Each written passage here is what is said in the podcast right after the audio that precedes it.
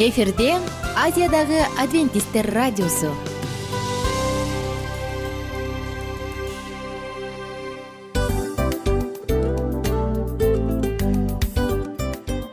Достор салют.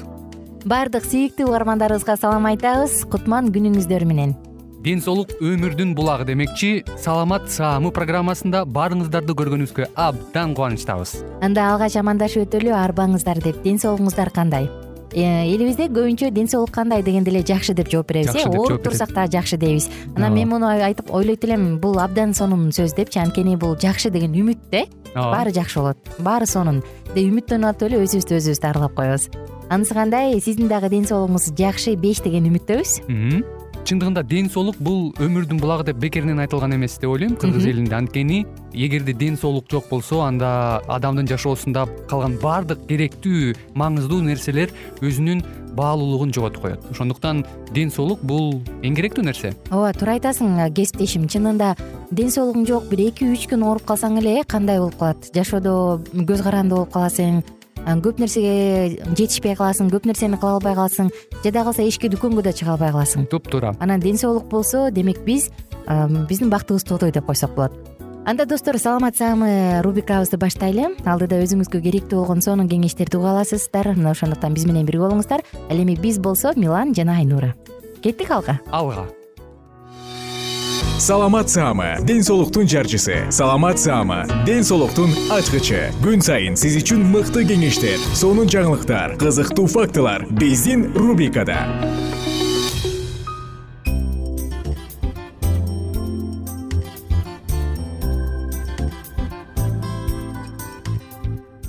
салам достор. Кандайсыздар угармандар? Бүгүн айымдарды өзгөчө чакыргым келип турат. Анткени саламат саама рубрикасында кургак тери жөнүндө сөз кылабыз. Ооба кургак тери сулуулукка кам көрөбүз. Кандай смузи ичиш керек? Эмне кылыш керек? Эгерде сиз сыртынан баардыгын сүйкөп көрсөңүз бирок териңиздин абалы жакшырбаган болсо мүмкүн ичиш керектир. Анда угармандарыбызды чакырабыз жана биз менен бирге болуңуздар. Алгач кургак тери жөнүндө кургак бет жөнүндө сөз кылсак э кургак бетке маска жасоо бул эң эле оңой. Териге колдонулуучу маскалардын курамында көп суу болгону жакшы. Нымдуулуктун жетишсиздиги кургак териге жакпайт. Ал бат карыйт маскалар болсо бул боштукту толтуруп турушат. Кургак тери жетишээрлик сунуу жана жылмакай болгону менен суунун жетишсиздиги бырыштардын эрте пайда болуусуна алып келет. Ошол себептен кургак тери үчүн маскалардын курамында көп өлчөмдө нымдоочу компоненттер болгону зарыл. Эгерде сиз бир да жолу үй шартында маска жасабаган болсоңуз же жыйынтыгы сизди канааттандырбаса анан эмне кыларыңызды билбей калган болсоңуз анда бүгүн сиздер менен достор. Ичүүчү сонун смузи жөнүндө бөлүшөбүз. Эми маска жөнүндө айта кетсем бир эки ооз сөз. Көңүл бурчу дагы бир нерсе бар маскалар бир гана кургак териге жарайт. Биз айта турган азыр мен бир масканы айтып берем. Мына ошондуктан эгерде сизде бар болсо кайсы бири анда төмөндөгүлөрдүн бирин таңдаганыңыз оң. Бул сиз териңиздин кургактыгынан шек санап жатсаңыз сапатын так аныктоо максатында теринин түрүн көрсөтүүчү тесттен өтүүнү сунуштайбыз. Кургак теринин белгилери. Кубарган түс бошоңдук тонустун жоктугу беттин түлөөсү тартылуунун сезилиши кычышуу ысыкты жана суукту жаман кабыл алуусу эгер ушул ушул белгилердин баардыгы бар боло турган болсо демек демек сөзсүз түрдө сиздин бетиңиз кургак. Кургак териге маскаларды адаттагыдан көбүрөөк жумасына жок дегенде эки же андан да ашык үч жолу жасаш керек болот. Андан тышкары жеген тамак ашка көңүл буруш керек болот. Кургак тери майда тешиктүү ошондуктан масканын таасири жакшы билинүүсүн кааласаңыз колдонуунун алдында жылы сууну же бууну колдонуп терини жумшартып алганыңыз жакшы. Суу көп ичиш керек. Анткени кургак териде бетпи колбу кайсы гана жерде болбосун суу жетишсиз аз болот э. Ошондуктан сөзсүз түрдө тамактанууңузга көңүл буруңуз. Жана биз бүгүн айта турган э, смузини ичиңиз дагы бир жолу айтайын бетке кандай гана маска кылбайлы кандай гана аракет кылбайлы бирок баары натыйжасыз болуп турса мүмкүн ичинен анда витаминдерди бериш керектир. Бүгүн сиздер менен жумшак жана абдан чоюлчаак же ийкемдүү кожа тери жөнүндө сөз кылалы деп турабыз. Эң эле биринчи мен тропикалык сонун бир фрукт мөмө жемиш жөнүндө бөлүшөйүн. Анын аты красная сапота деп аталат. Сапота мамей була сапота мамей дегенди уккан болсоңуз тропикалык өлкөлөрдө э анда демек дал ушул мөмө жөнүндө сөз кылабыз. Кызыл сапота. Анын даамы абрикоска өрүккө окшош. Ал борбордук америкада абдан чоң деңгээлде бийик деңгээлде бааланат. Аны афродезиак катары дагы колдонуп келишет. Тагыраак айтканда терини нымдандырат анткени анын курамында бета каротин б с жана е витаминдери бар. Аны менен катар эле кокос ооба кадимки эле кокос. Анда дагы каныккан майлар бар. Жана алар жеңил сиңимдүү болгондуктан пайдалуу болгондуктан жана курамында магний темир бар болгондуктан теринин өңүн жакшыртат. Биз бүгүн айта турган смузи жумшак жана ийкемдүү тери деп аталат. Анткени дал ушул эки сонун ингредиенттин идеалдуу кошулмасынан айкалышынан пайда болот. Эгерде сиз аны күнүгө эртең мененки тамак учурунда иче турган болсоңуз анда териңиздин абалы жакшырат жана албетте керектүү баардык баалуу заттарды аласыз. Жасайбыз анда. Ингредиенттер сонун смузи достор. Сизге болгону гана сапота мамей деп аталган мөмөнүн жарым гана э, жемиши керек. Жарым эле орточо өлчөмдөгөндөн аласыз андан кийин бир чашка кокос сүтү бир чашка ананас ширеси жарым чашка суу керек жана бир чай кашык корица порошогу. Дагы бир жолу кайталатсам сизге керектүү ингредиенттер бул үч порция үчүн ар бири эки жүз элүү миллилитрден ошондо жети жүз элүү миллилитр смузи үчүн жарым сапота мамей жемиши бир чашка кокос сүтү бир чашка ананас сүтү ширеси жарым чашка суу жана бир чай кашык корицанын порошогу. Сапота мамейди ичиндеги сөөктөрдү алып чыгып тазалап алыңыз дагы. Аны аны башка азыктар менен кошуп баардыгын чогуу блендерге салып аралаштырыңыз. Бирдей масса пайда болгончо аралаштырасыз андан соң ага кааласаңыз калориясы төмөн болгон таттуу кылуучу азыктарды кошуп койсоңуз болот. Тропикалык вкус даам анын ар бир мындай сонун сонун болгон соктун смузинин ар бир жутуму ар бир ар бир тамчысы сизге сөзсүз түрдө жаңылыкты берет. Сөзсүз түрдө сиздин денеңизди жана териңизди азыктандырат майда чүйдө бырыштардын баардыгынан арылганга жардам берет. Кызык бекен достор сонун бекен ооба сонун мындай смузинин касиетин айта турган болсок нымдандыруучу касиети зор азыктандырат. Тамак сиңирүүнү жакшыртат жана биздин денебизди толугу менен тазалаганга жардам берет. Ошондуктан пайдалуу майларды кокос сүтүндөгү курамындагы аны жөн гана сыртка бетке гана сүйкөй бербестен ичсе дагы пайдалуу достор. Биз сиздер менен коштошчу учурга келдик. Ушул жана башка пайдалуу маалыматтардын баардыгын саламат сайт саламат клуб сайтынан көрүп угуп окуй аласыз. А мен болсо сиздер менен коштошчу учурдамын. Сулуу болуңуз. Адам эмнени жесе ошол деп коет эмеспи э адам эмнени жесе эмнени ичсе ошол. Тагыраак айтканда сырткы келбети ошого жараша өзгөрөт. Ошондуктан оорубаңыздар сырткы келбетиңиз сулуу болсун жан дүйнөңүз андан дагы сулуу болсун. Эң негизгиси көздөр күлүп турсун. Кайрадан амандашканча бар болуңуздар достор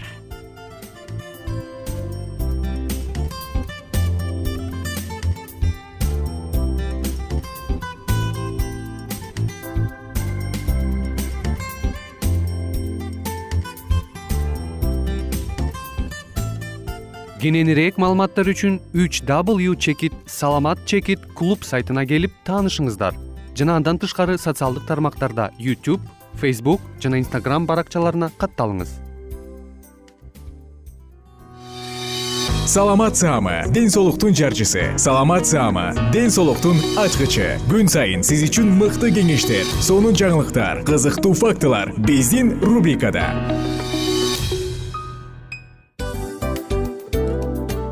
салам достор. Кайрадан биздин сүйүктүү рубрикабызга кош келиңиздер деп айтмакчыбыз. Баардык замандаштарыбызга арбаңыздар деп саламыбызды айтабыз. Улуу ушундай бир урматтаган учурашуу менен анан дил маек радио баракчабызга чакырабыз. Негизи дил маек биздин рубрикабызда эмне жөнүндө кеп кылабыз бул дил маектин мааниси эмнеде рубрикабыз менен кичине тааныштырып кетсеңиз. Сөзсүз түрдө тааныштыра кетейин. Кесиптешим суранычы боюнча бул учурда бул радио баракчада биз ар тарап кесип ээлеринен сонун кеңештерди алабыз сүйлөшөбүз сырдашабыз. Аталарыбыздын эжелерибиздин апаларыбыздын кеңештерин угабыз айтор жан дүйнөгө адамдын э, сапатына адамдын деги эле адам болуп жашашына керектүү баардык кеңештер алдыда. Негизи э, дил маек дегенде баягы эки адамдын ортосундагы сырдашуу кенен сүйлөшүү. Негизи эле биз адамдар бири бирибиз менен бир жерге жай жерге отуруп алып өзүнчө тынч жашоо жөнүндө өмүрүбүздө эмне болуп атканын бөлүшкөнү жакшы көрөбүз э адамдар. Ооба туура айтасың анан мындай учурга кээде убакыт да жетпей келет э? Же болбосо сырыңды кайгыңды муңуңду кубанычыңды айткың келет адамга ишенбешиң мүмкүн. Ооба. Бул радио баракча угармандарыбыздын чыныгы досу. Анткени бизден алган кеңеш сиздин жашооңузга чоң жардам берет. Ал эми сиздин бизге айта турган сөзүңүз ортодо гана сыр бойдон калат. Ошондуктан биздин дил маек рубрикабызга дагы бир жолу кош келиңиздер. Жана биз даярдаган маалыматтарга даяр болуңуздар. Айнура жана милан сиздер менен бирге алдыга кеттик ар түрдүү ардактуу кесип ээлеринен алтын сөздөр жүрөк ачышкан сыр чачышкан сонун маек. Дил маек рубрикасында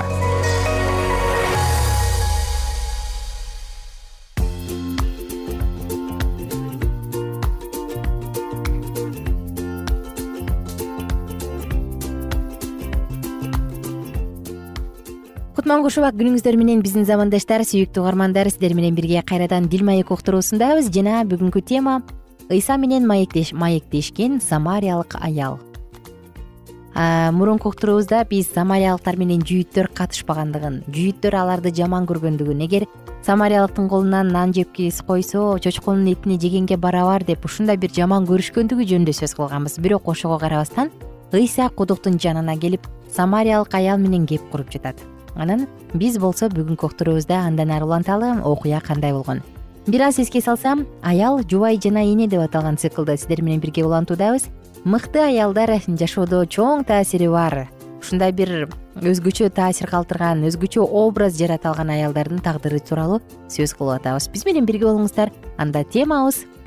Дагы бир жолу кайталасам ыйса менен маектешкен самариялык аял сен дал ошонун өзү менен сүйлөшүп турасың. Машаяк эми келе турган адам болуп эсептелбейт. Ал денесинде кан чуркап турган чыныгы адам ал аялдын маңдайында турат. Буга чейин эч кимге мынчалык ачык түшүнүктүү кылып айтпаган нерсесин ал аялга ачып берди. Мен машаякмын ал самарияга ошол аял үчүн келген ошол аял үчүн ал жүйүттөрдүн мыйзамдары менен салттарын бузган. Машаяктын учуру келди. Бул аял эми кимсинтилбейт диний талаш тартыштар жоюлгандай эле эбактан бери келаткан теңсиздик да жоюлат. Ар бир адам ал тургай жеткен күнөөкөр адам да ыйса аркылуу кудайга келе алат.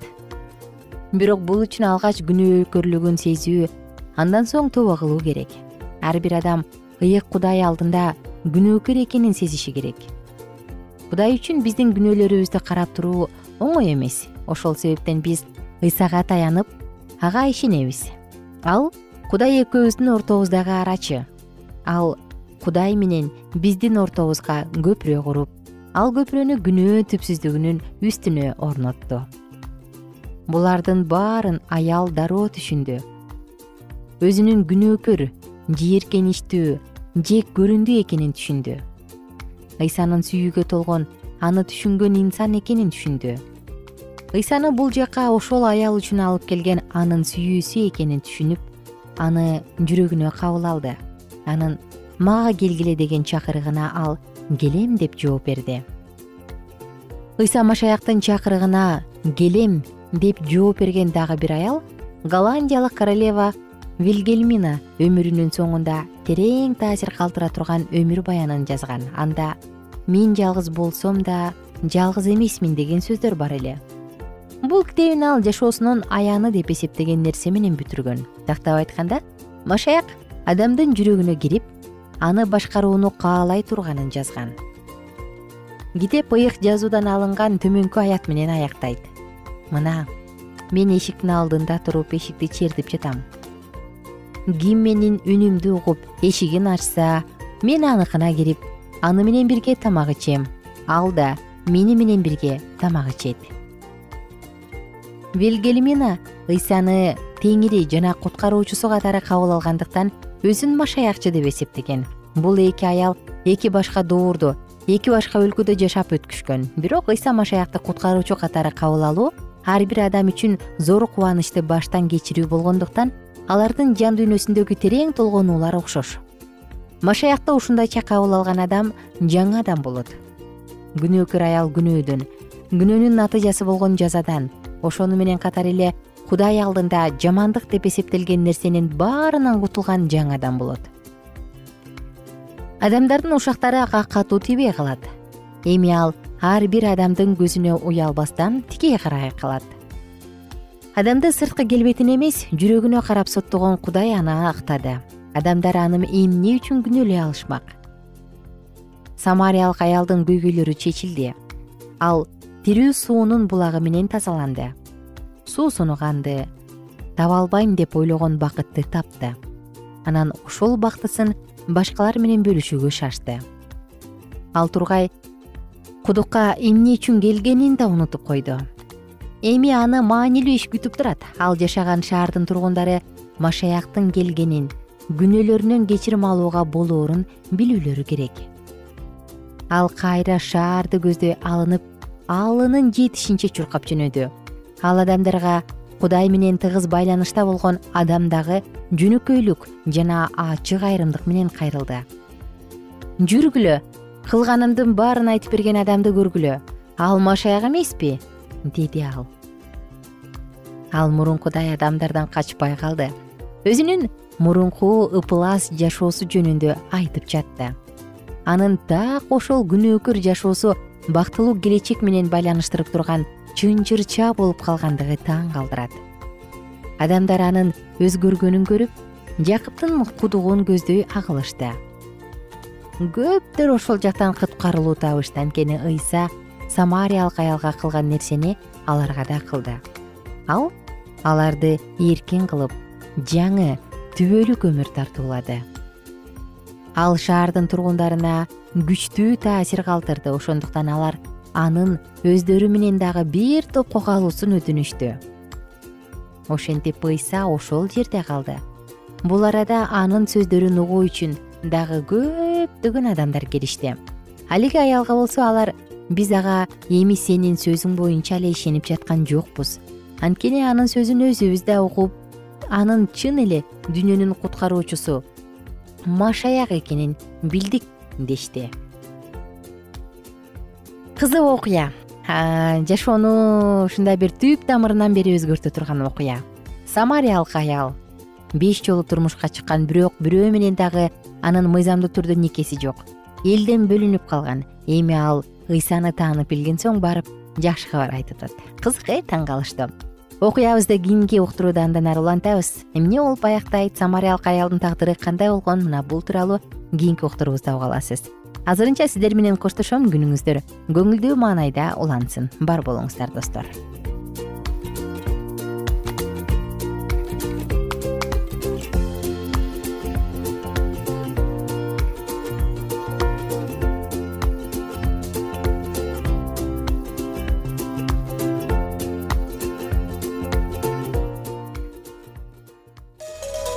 ар түрдүү ардактуу кесип ээлеринен. Алтын сөздөр жүрөк ачышкан сыр чачышкан сонун маек. Дил маек рубрикасында.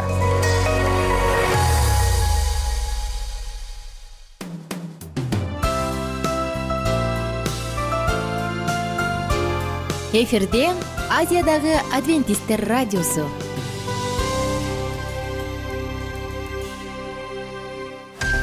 жан дүйнөңдү байыткан жүрөгүңдү азыктанткан жашооңо маңыз тартуулаган жан азык рубрикасы.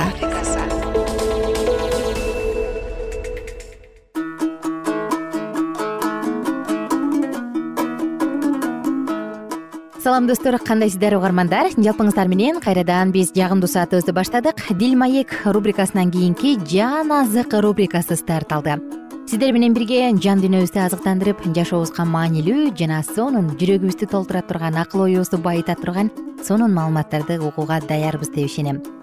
Кайсы гана жерде болбоңуз кайсы гана учурда болбоңуз ар бир саатыңыз ар бир мүнөтүңүз жемиштүү жана жеңиштүү болсун деген тилек менен саатыбызды уланталы достор биз бул уктурууда аюб китебин окуп жатканбыз. Эски осуяттан орун алган ыйык жазууда. Анда бүгүн дал ушул аюб китебин окууну андан ары уланталы аюб китеби жыйырманчы бөлүм. Сопардын сөзү жыйырманчы аяттан ары. Курсагы тойгонун билбеген ач көздүгүнөн эч нерсени аяган эмес. Анын соркоктугунан эч нерсе качып кутулган эмес. Ошон үчүн анын бактысы туруктуу эмес. Ашып ташыган молчулук болуп турса да ал кысталышта жатат. Ыза болгон ар ким ага кол көтөрөт ал курсагын толтургандан кийин кудайга өзүнүн каарын чачат да анын денесине дарт жаадырат. Ал темир куралдан качып кутулса аны жез жебе тешип өтөт. Жебени сууруп алайын десе ал денесин тешип чыгат. Жарк этип өтүн тешип чыгат. Аны өлүм коркунучу басып калат. Бардык караңгы нерселер анын ичинде жашырылган аны эч ким тутантпаган от жалмайт анын чатырында тирүү калганында кырсык басат. Анын мыйзамсыздыгын асман ачат жер ага каршы чыгат. Анын үйүнө жыйганы жок болот. Кудайдын каары келген күнү бардыгы агып жок болот. Мыйзамсыз кишиге кудай берген үлүш ушул. Кудуреттүү кудай бөлүп берген мурас ушул. Аюб китеби жыйырма биринчи бөлүм айыптун алтынчы жообу. Аюб мындай деп жооп берди. Менин сөзүмдү кунт коюп уккула. Силердин укканыңар менин көңүлүмдү жубатат. Чыдап тургула мен сүйлөйүн. Мен айтып бүткөндөн кийин шылдыңдай бергиле. Мен адамга даттанып жатамбы? Анын кантип мен жүрөк заадалык кылбайын? Мени карагыла үрөйүңөр учсун колуңар менен оозуңарды жапкыла эстесем эле селт этем денемди калтырак басат. Эмне үчүн мыйзамсыздар жашап карылыкка жетишет анан калса күүлү күчтүү. Балдары тегерегинде неберелери маңдайында үйлөрү коркунучтан коопсуз. Алардын үстүндө кудайдын таягы жок алардын букалары тукум берет уругун бекер агызбайт. Алардын уйлары тууйт музоо салбайт. Өз балдарын малды жайытка чыгаргандай чыгарышат. Алардын балдары так секирип ойношот. Дап менен кыл аспаптын коштоосунда ырдашат. Чоордун коштоосунда көңүл ачышат. Күндөрүн бактылуу өткөрүшөт да өлгөндөр жаткан жайга көз ирмемде киришет. Ошондой болсо да алар кудайга мындай дешет бизден ары кет сенин жолдоруңду билгибиз келбейт биз кызмат кылгыдай кудуреттүү кудай ким болуп калыптыр? Ага кайрылганда эмне пайда? Көрдүңбү алардын бактысы өздөрүнүн колунан чыккан эмес. Мыйзамсыздардын кеңеши менден алыс болсун мыйзамсыздардын чырагы кээде эле өчөт. Алардын башына кээде эле мүшкүл түшөт. Кудай өзүнүн каары менен аларды кээде эле кайгыга салат. Алар шамал алдындагы самандай куюн учурган жука кабыктай болушу керек. Кудай алардын ордуна балдарын жазалайт дейсиң ал өз күнөөсүн билиш үчүн кудай аны өзүн жазаласын. Ал өз жазасын өзү тартсын. Кудуреттүү кудайдын каарын ал өзү ичсин. Анткени анын көзү өткөндөн кийин үй бүлөсүнө кандай тиешеси бар? Кудай асмандагыларды да жазага тартып жатса ким ага акыл үйрөтө алат кээ бирөөлөр өз күчү толуп турганда кайгы капасыз тынч өлүшөт анын ичеги карды майлуу анын жилиги чучуктуу. Кээ бирөөлөр жакшылык көрбөй жаны кайгыга батып өлүшөт. Бирок экөө тең топуракка жатат. Аларды курт каптайт. Мага каршы ойлоп тапкан оюңар менен амалыңарды билем. Төрөнүн үйү кайда мыйзамсыздар жашаган чатыр кайда дейсиңер? Силер саякатчы адамдардан сураган жок белеңер алардын байкоолору менен тааныш эмессиңерби зулумга өлөр күнү да ырайым болорун. Каар күнү ал четте калаарын билбейсиңерби? Ага жолун ким көрсөтөт? Кылган иши үчүн анын жазасын ким берет аны көргө узатышат анын мүрзөсүнө сакчы коюшат. Ага үрөөндүн кесек таштары да жакшы көрүнөт. Анын артында толгон эл баратат алдында бараткандарга сан жетпейт. Мени курулай сөздөр менен соороткоңар барбы? Силердин жообуңар жалаң калп болуп жатат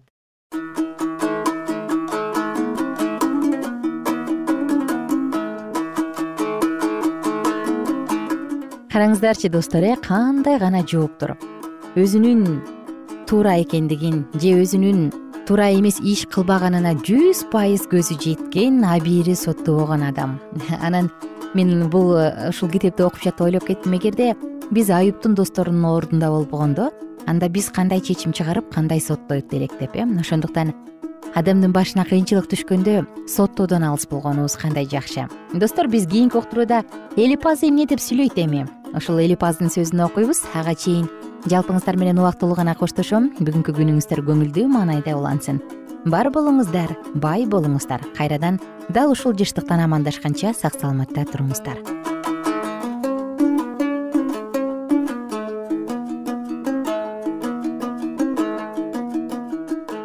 Эгер сиздерде суроолор болсо же көбүрөөк маалымат билем десеңиз анда биздин whatsapp номерибизге жазыңыз. Плюс бир үч жүз бир жети жүз алтымыш алтымыш жетимиш. Кайрадан плюс бир үч жүз бир жети жүз алтымыш алтымыш жетимиш.